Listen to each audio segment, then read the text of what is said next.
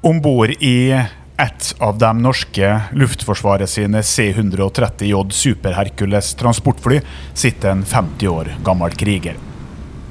Han heter Eirik Kristoffersen og er generalmajor. Det er bare noen få dager hjem til jul, og året er 2019. Han har nylig starta jobben som sjef for den norske hæren, og han har tatt med seg med på en tur for å besøke de norske styrkene i Irak. Hva Norge gjør militært i Irak, kan du høre mer om i en tidligere episode av denne podkasten. 12. mai i år skjedde derimot noe. Kristoffersen ble forfremma fra generalmajor til general, og samtidig utnevnt til Norges forsvarssjef. En jobb han starter 17.8 i år.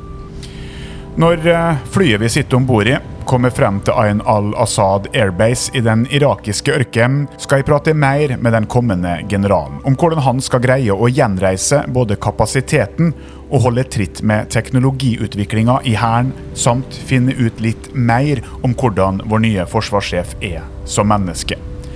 Men eh, aller først må flyet fly videre innover et område i krig. Derfor sitter vi alle med hjelm og skuddsikker vest og ved hvert vindu i flyet sitter en fra mannskapet med en fjernkontroll i hånda som er farga rød. Trykker de på knappen der, skyter Herkulesen ut flares, såkalte decoys, eller på norsk avledningsbluss. Dette fordi at på bakken kan ISIL-krigere sitte og vente på oss med en skuldermontert Stinger-rakett. Men vi lander i Irak, 20 mil vest for Bagdad, og sola står høyt på ørkenhimmelen. Her ute, in the middle of fucking nowhere, er det mange amerikanere som eh, er til stede. De er lederlandet i koalisjonen som heter Inherent Resolve. Og dette her, det er ifølge general Kristoffersen god læring for Norge. Mine historier, en podkast laget av journalist og fotograf Erik Atram. Vi blir jo bedre på alle områder når vi er ute i operasjoner. Eh, spesielt når det er operasjoner sånn som det her, der, man faktisk får, får, tid til å trene òg. Eh, så, så eh, folket blir bedre på planlegging. De blir bedre på å jobbe i, i en internasjonal ramme, altså med allierte. De, blir, de, får tid til å utvikle sine egne ferdigheter. De blir til og med i bedre fysisk form, som ikke skjer i alle operasjonsområder som vi har vært i tidligere. Ehm, og de, ehm, og de bringer verdifull kunnskap med tilbake til, til Hæren. Men en eh, slik eh, kunnskap den eh, kommer med en viss risiko. Skal du være med ut på operasjoner, så tar du på en måte risikoen der. Det er risiko for at du gjør feil, at du får det vi har kalt for innsideangrep i Afghanistan. Det er risiko bare med å være til stede i Irak. Basene ble angrepet av raketter 3.12. Så man utsetter seg selv for en risiko. Så mentorering er absolutt ikke risikofritt.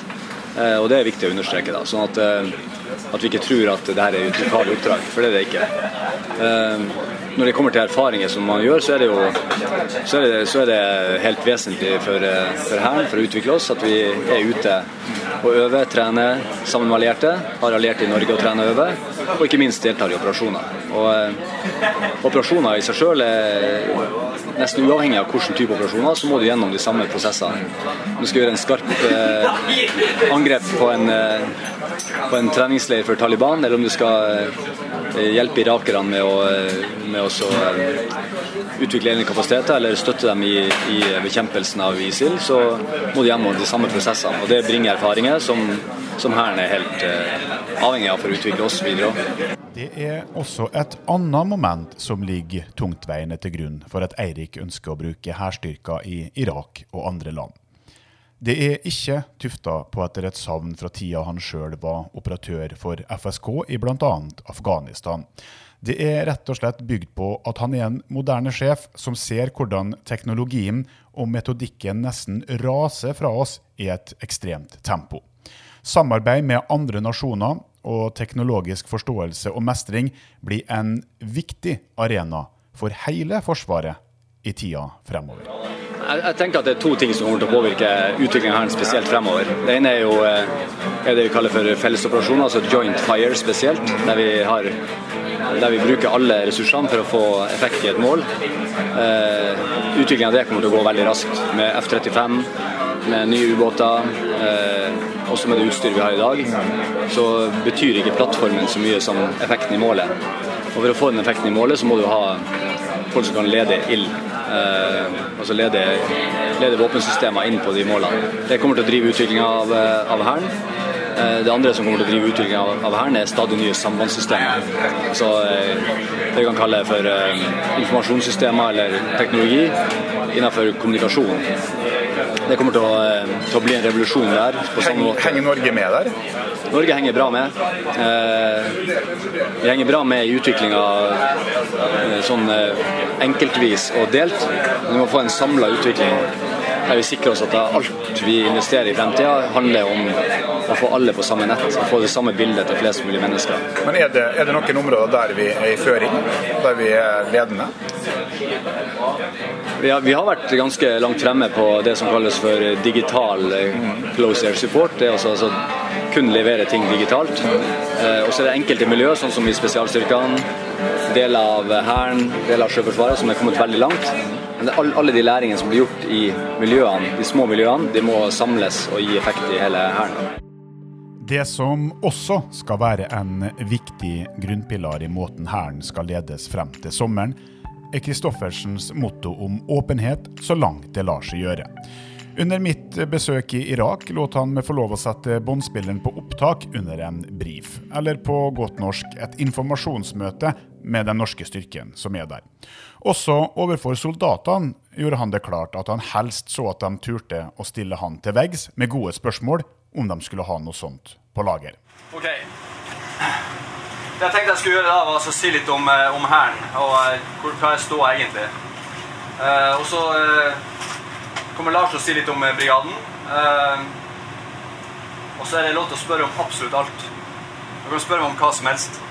Altså hva dere enn måtte lure på. Hvorfor jeg var happy med å vokse opp i Bjerkvik, eller hva det måtte være. Spør meg om eh, hva som helst. Så det er bare sånn at det, det er full åpenhet. Dere kan, eh, det minste lille ting dere lurer på, kan dere spørre om. Og så har vi den tida vi har, eh, der dere må pakke sammen og, og komme oss på flighten. da. Og så er det jo mulig å spørre selvfølgelig etterpå når vi skal reise. Men det er viktig at folk eh, spør hvis det er noe, eh, hvis det er noe lurer på, utover det som jeg også snakker om. da.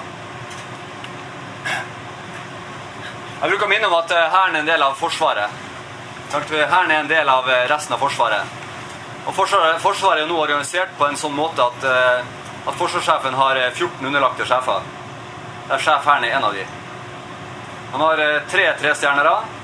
Sjef Forsvarsstaben, sjef E og sjef FH. Og så har han elleve eh, kaller det DIF-sjefer. da. Hær, sjø, luft, spesialstyrkene, Heimevernet, Cypher og FLO er jo de som er styrkesjefer. Men i tillegg har du andre sjefer òg, sånn som eh, sjef Forsvarets sanitet, Høgskolen, Personell- og vernepliktssenteret og eh, sjef for Forsvarets fellestjenester.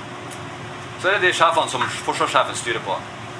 Når han samler ledergruppa si, så samler han Denne brifen var som tidligere nevnt gjort i desember i fjor, før Kristoffersen visste noe sikkert om si fremtid som leder. Derfor er det litt spennende for det som hører på denne podkasten, å vite at fra august i år så er han forsvarssjef, og dermed kan legge makt bak de ønskene og tankene han her leverer som hærsjef. Og Sjøl om Kristoffersen jobber for stor åpenhet, kommer jeg til å legge på en pipetone over noe av det han etter hvert forteller. Det er åpenbare grunner til at de gjør det, siden det er gradert informasjon som ikke skal kringkastes. Det er det som man kaller for kjernegruppa. Og så er det her sjø og luft, som er forsvarsgrenet, som har en spesiell eh, jobb i tillegg. Så eh, når jeg ble sjef her, og var jo sjef Heimevernet før det, så gikk jeg fra å være styrkesjef for Heimevernet og sjef for det, til å bli en forsvarsgrensjef. Det betyr at jeg har et ansvar for alle hæroffiserer langt utover hæren. Eh, Og det personellansvaret der gjelder jo fra folk starter til de er ferdig i Forsvaret.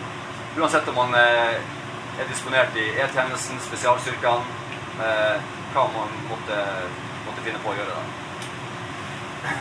Så jeg vil bare si sånn I og med at, at, at jeg er hærsjef nå, og kommer både fra spesialstyrkene og Heimevernet tidligere, for det som var også veldig lenge i Hæren, så er det jo eh, så er min policy at folk må få gjøre som de vil.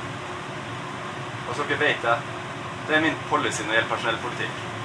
Folk må få gjøre som de vil. Så er det ikke det så lett å få til. Fordi at eh, personellet og vernepliktssenteret har noen regler, og vi har noen regler om hvor lenge man skal stå i stilling, og vi har noen billigheter, og vi har noen sperremuligheter og sånn. Men i utgangspunktet så skal folk få gjøre som de vil. Så grunnen til at jeg viser her til dere nå, alle sammen, for det er veldig mange tenker jo på skal jeg fortsette i Forsvaret eller ikke. Og jeg gjorde det samme. Når jeg var sersjant på Skjold, så sa jeg jeg skal aldri mer fryse mitt liv på Mauken i, i eh, mars eh, 1989, nei, 1990. Og så slutta jeg i Forsvaret. Men det tok bare tre måneder. Så var han tilbake igjen, og resten er, som en sier, historie. Men ved å høre generalen prate, forstår jeg at han ønsker å bruke mye av lærdommen og ledelsesmetodikken fra spesialstyrkene også for Hæren. Og naturligvis vil det skje og i fremtida når hele Forsvaret skal ledes av en smilende, humoristisk og treningsglad lyslugg fra Bjerkvik.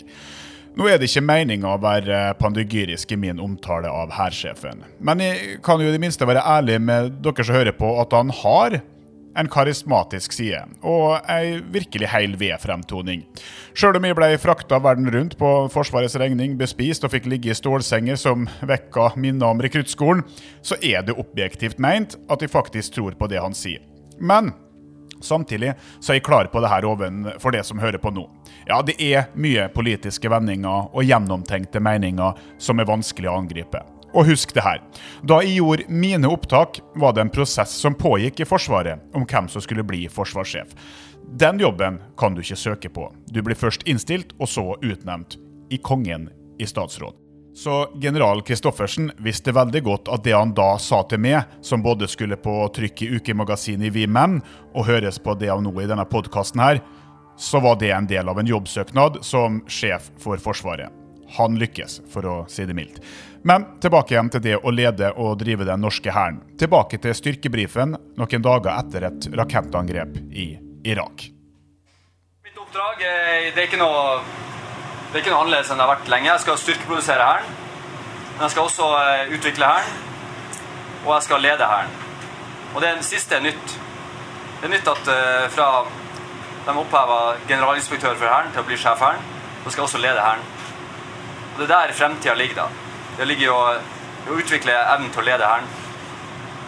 Det er det jeg må jobbe med nå. Jeg må få hærstaben til å bli en generalstab som leder Hæren som egentlig skal gå inn og legge planer for OIR. Skal legge en plan for den perioden vi har fått i OIR. Det skal hærstaben gjøre. Det har de ikke tradisjon for å gjøre. da. Den planen skal ikke være detaljert, den skal være veldig overordna. Den skal si litt om uh, hva vi skal oppnå. I god dialog med, med de som har vært ute, og, og som skal ut. Så at vi har en langsiktig plan. Jeg var vant til det jeg var i Jeg var jo en del av hæren da jeg var sjef for FSK. Da fikk vi alltid oppdrag, og så fikk vi lage oppdraget sjøl. Bestemme hvordan det skulle se ut, bestemme hvordan eh, kampanjeplanen skal være. Eh, og den, den må vi ta inn i hæren òg. Hæren må bestemme det her sjøl. Hvordan vi skal, innenfor rammen selvfølgelig, eh, holde oppdraget gående. Så det vi har med å hente, er jo på det som går på lede operasjoner på alle konfliktnivå i en fellesoperativ ramme. Der er ikke Hæren kommet ennå. Dit må vi jobbe hardt for å komme, da. Dere vet jo hva jeg prioriterte. Jeg endra på prioritetene som sjef Hæren. Jeg endra på prioritetene. Det var eh, mange prioriteter. Eh, klar til kamp i kveld var en av de. Jeg endra på dem bevisst. Jeg satte verdiene først. Pri 1. respekt, ansvar, mot. Det skal være pri 1 for Hæren.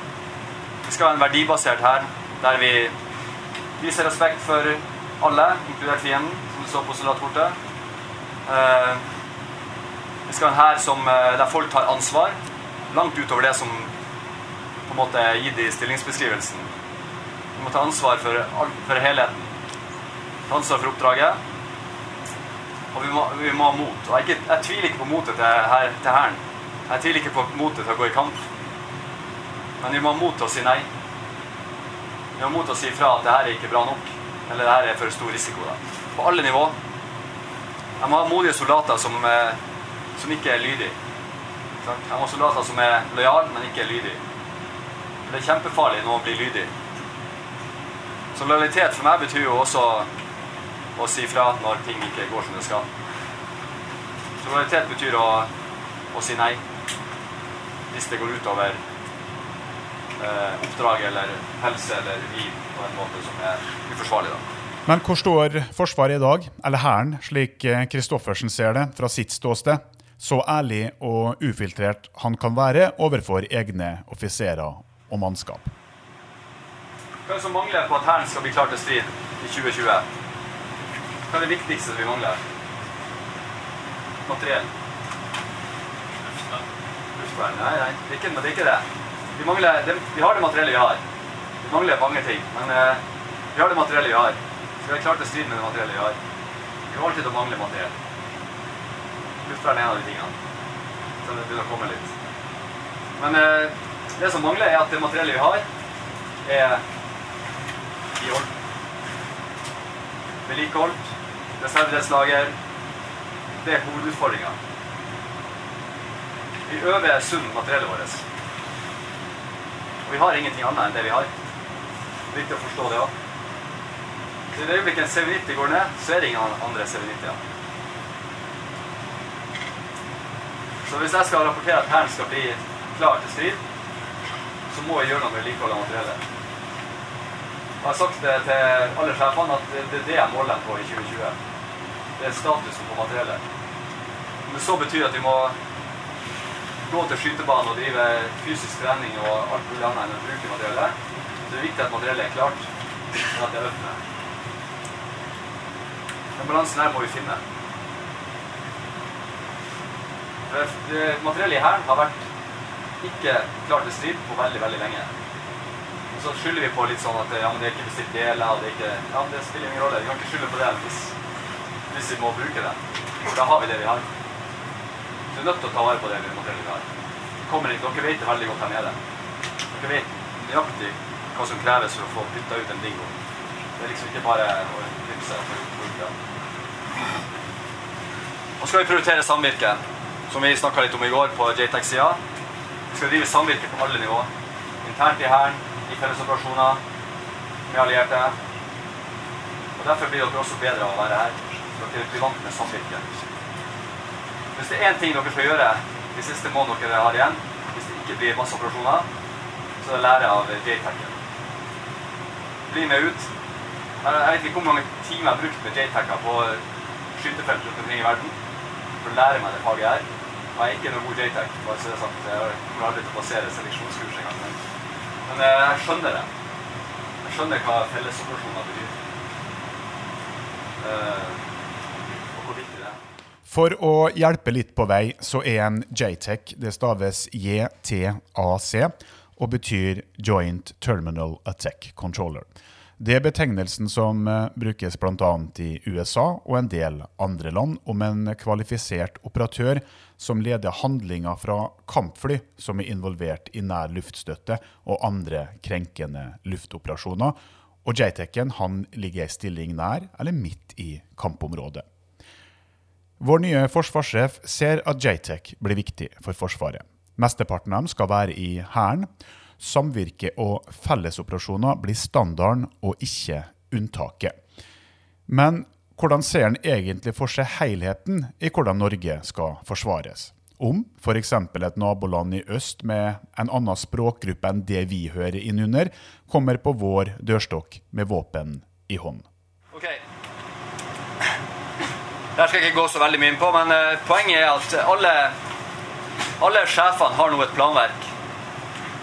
Så eh, jeg får ofte spørsmål om konsept for ditt og datt. Vi må ha et konsept for det og det.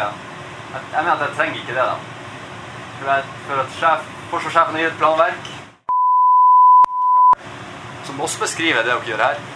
Beskriver hvorfor vi reiser ut i operasjoner i utlandet, som du var inne på. FOH har et planverk som heter et planverk som heter fra Norge, primært. Og så har vi vårt planverk, og så har brigaden sitt, og så, sånn går det. da. Så planverket er der. Og det forteller oss hva vi skal gjøre. Mange samtaler med Christoffersen gjør at de nå bygger en forståelse for hva som er å frykte. Det er faktisk ikke noen reell fare for at Russland kommer inn i Norge med våpen for å ta våre ressurser, eller nå drive en hybridkrig for destabilisering på et senere tidspunkt og en senere underleggelse. Men Russland har mange fiender på andre plan. Og Russland vil forsvare seg med nebb og klør, og de vil gjøre det ved å utvide seg sjøl. Rett og slett lage en tenkt festningsmur ut i Atlanterhavet, nordområdene, det såkalte bastionforsvaret. Og Russland kan før vi aner ordet av det, havne i en konflikt. Og da blir Norge i faresonen, enten vi vil eller ei. For Norge er så, plassert at vi kommer til å være, uansett i en konflikt der Nato er involvert, så kommer vi til å ha ansvar for nordområdene. Norge er Nato i, nord.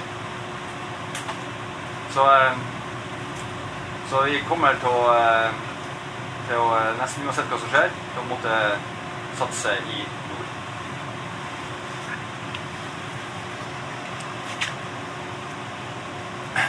Og det her, er, det her er på en måte grunnlaget for hele fagmilitære rådet. Og hvis, dere, hvis vi tar det fagmilitære rådet ned til, til, til, til liksom det helt kjernen, da, så handler det egentlig om at det skal være norske skip, norske fly, norske soldater på bakken i nord. Det er det det handler om. Vi må være robust nok så vi kan ha norske skip, norske soldater, norske fly på bakken i nord i fredstid. For krig opp, oppstår historisk av tre grunner. Det er interesser, så er det frykt, og så er det ære. Det skrev om for lenge, lenge siden. Og det som kan skje i nord, mellom Norge og Russland, som er en ganske avbalansert eh, forhold egentlig, der vi hjelper hverandre med redningstjeneste og alt mulig, at det blir misforståelser. Det, er det største frykten min, da. At det skal bli en misforståelse mellom et eller annet som gjør at man utløser noe som ikke burde vært utløst. Men så lenge vi har norske fly, norske skip, norske soldater, så minsker vi sjansen for misforståelser. Hvis vi ikke er der, så kommer noen andre til å være der. Det er superinteressant. Det området her er, er Russland sitt center of gravity.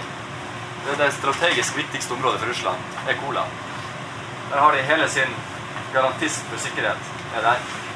Altså den atom, atomvåpnene sine som er sekundærevnen eh, hvis du slår, slår tilbake. Det er på Kola. Av mange grunner. Men også for at det er ganske rolig område. Også for at det er kort vei til USA, og for at det er mulig å seile ut. Så det her er Bastionforsvaret er reelt. Eh, Russland gjør akkurat det de sier. De skal beskytte Kola. Og her står altså vi.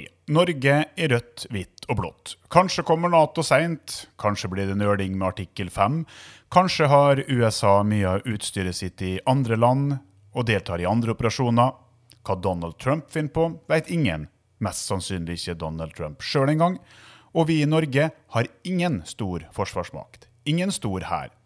Nå skal jeg la deg få bli med på en lengre del av brifen Christoffersen holdt ute i felt, slik at nyansene kommer med, og at du sjøl kan danne bilde om dette her er sweet talking eller noe vi kan forvente skal skje. Det er en ting som jeg, Da jeg ble sjef her, så spurte jeg hvor stor er hæren da. Og da fikk jeg svaret var 8000. Det er ikke sant. Her er 12 000 i dag. Vi er ca. 4000 ansatte, ca. 4000 vernepliktige til førstegangstjeneste og 4000 i styrkestrukturen. Så det er ca. 12 000. Hvordan kan vi raskest mulig mobilisere Hæren? Eh, det er det det handler om, egentlig. Hvordan kan vi raskest mulig kalle tilbake de som har dimittert, og de som utgjør styrkestrukturen? Få satt opp brigaden fullt ut, sånn som man skal være da. Ok, det her er Hæren i dag. Uh, Utfordringa til Hæren er at vi har Og det her er panserbataljonen egentlig i dag. Det er det som forsvarssjefen har kalt for nye behov i fagmilitære rådet. Det er at vi skal gjennomføre operasjoner nasjonalt, være en del av brigaden for panserbataljonen. Vi skal drive operasjoner utenfor Norge, og vi skal støtte alliert mottak. Det er på en måte de tre hovedoppgavene i forsvaret av Norge. da. For det å bidra ute bidrar også det til forsvaret av Norge, som vi snakka om i stad. Panserbataljonen i dag er jo sånn. Én panserbataljon som har en del av brigaden, EFP, Nord-TU og US Marine Corps rett borti gata. Her, sånn kan vi ikke fortsette, da. Så hæren må vokse. Og Panserbataljonen er det beste eksempelet akkurat nå. på hvorfor vi må vokse. Så jeg bruker det som eksempel oftere. Og alle skjønner det. Alle skjønner at det her går jo ikke an. Sånn kan vi ikke holde på. Det Det er ikke troverdig i nord. Det er jo selvfølgelig troverdig ute, for det prioriterer vi. Men eh, samtidig så blir vi, bryter vi arbeidsmiljøloven hver dag for at vi selvfølgelig skal ta imot og ta, ta, godt vare, ta godt vare på de som er på besøk. da. Så Panserbataljonen er strekt. Og så er det TMB1. Samme. BDTF. Overta her. EFP. Så det her fortsetter. Og det er fortsatt den samme gjengen vi snakker om. da. Så Derfor har forsvarssjefen gitt et fagmilitært råd som jeg ikke skal gå inn på i detalj. Men jeg skal forklare veldig enkelt, så dere skjønner tror jeg på en enkel måte forstår hva det han har sagt. Det laveste nivået er selvfølgelig å videreføre det vi har i dag. Eh, Det er det laveste nivået. Og så er det det laveste han har anbefalt, nivå delta. Det er en fullmekanisert Brigade Nord med fire manøverbataljoner. Og høyere oppsetningsgrad enn i dag. Det laveste ambisjonsnivået forsvarssjefen har anbefalt for Hæren. Det løser ikke utfordringen på noen som helst måte. Men det er i hvert fall en forbedring. Sant? Fire mekaniserte infanteribataljoner i Brigade Nord. 18 stridsvogner i hver bataljon. Det blir 72. 10 på våpenskolen. Det blir 82. To skolevogner Nei, 10 på, eh, på vedlikehold. Det blir 82. To på våpenskolen. Det blir 84.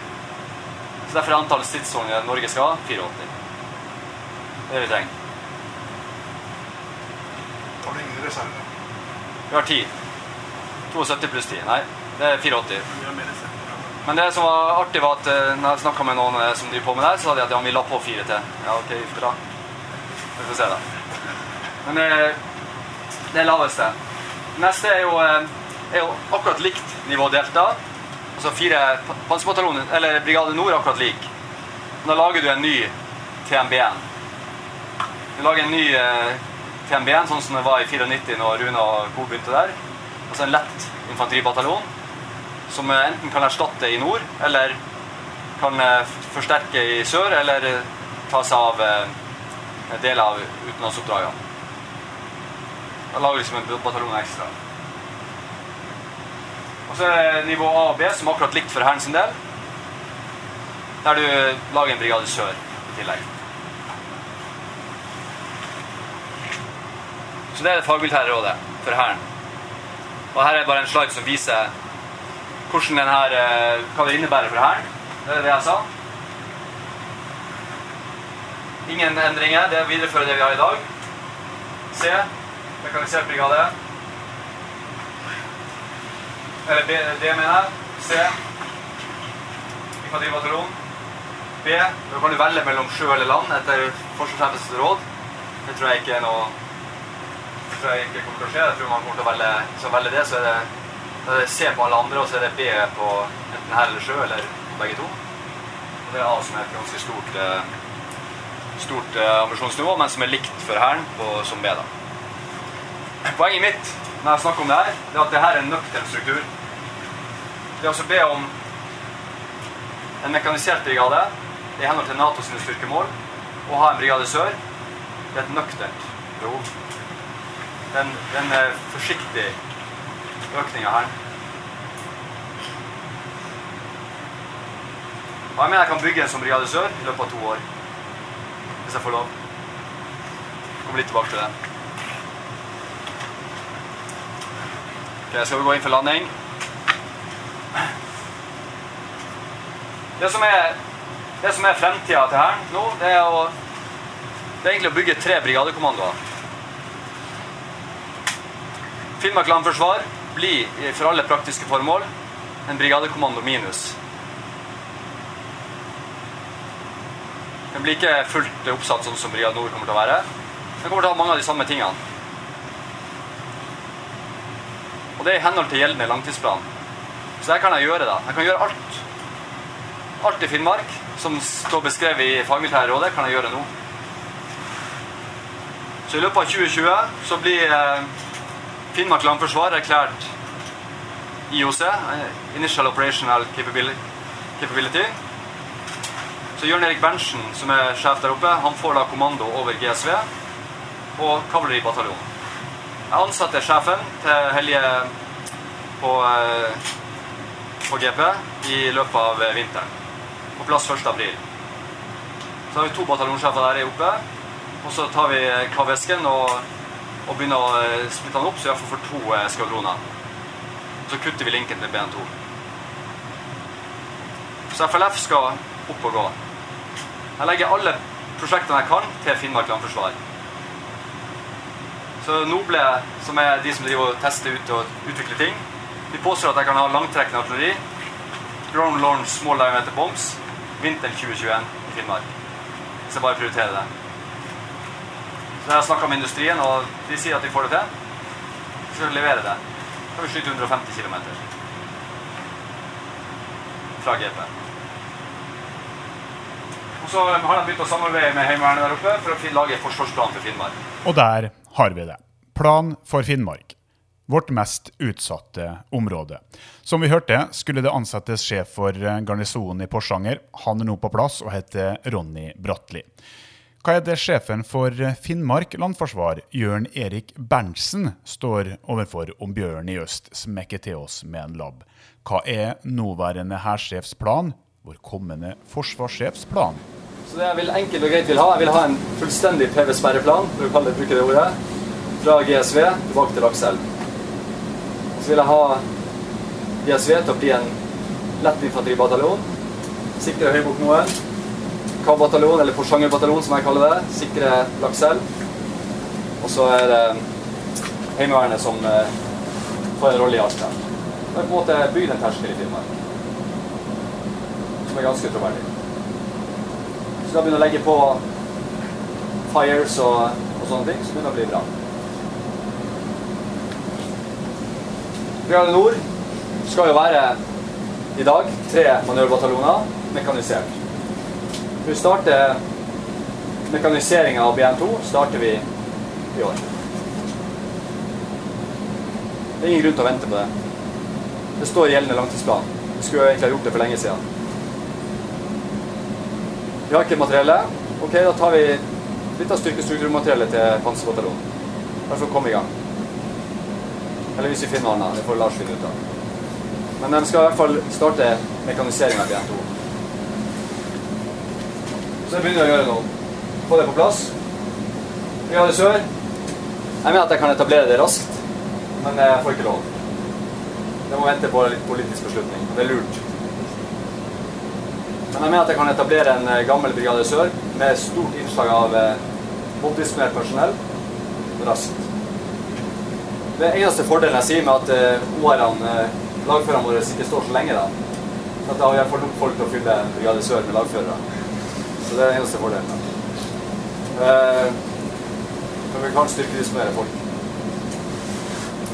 Så jeg vet at det kan gå fort. Og jeg har fått Flo med på laget, og de sier at de kan gjøre det i løpet av to år. Men da blir det en, det blir en annen type brigade. Det blir ikke en Brigade Nord. Brigade Nord blir på en måte Nato-styrkemålbrigaden, mens Brigade Sør blir noe annet. Sannsynligvis ikke i stand til å slåss utover bataljonsnivået, tror jeg, på Brigade Sør. Men det er greit. De kan forsterke nord med bataljoner, de kan rullere i nord med bataljoner, de kan støtte alliert mottak i sør med litt tyngre ting enn det Heimevernet kan. De kan bidra intops som en styrkebrønn. Og så må vi utvikle etterretningsbataljonen, våpenskolen, MP og, den andre biten. Men det er klart, hvis du legger garden under Brigade Sør, så har du en stående bataljon allerede der. Så, så jeg mener at det kan gå raskt. Og vi setter ned prosjektorganisasjonen bare for å se på hva det innebærer for Hæren. Så hadde jeg håpa det skulle være den første brigadesjefen som satt der, men vi får vente og se, da.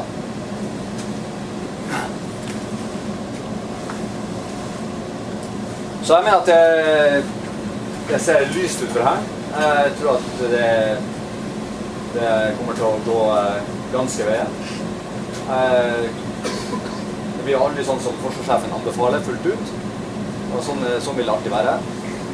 Men for Hæren sin del så eh, tenker jeg at vi får utvikla både FLF raskt. Så hvis noen har lyst på å jobbe i Finnmark, så er det jo bare å rekke opp hånda. Vi får flyrute fra Lakselv til, til Oslo fra 1. april. Kjempegreier. Men det er faktisk det, det er litt utfordringer. da. Rekruttering av folk. Beholde folk. Det er ikke rekruttering, det rekrutterer bra. Men beholde folk det er kanskje de største utfordringene.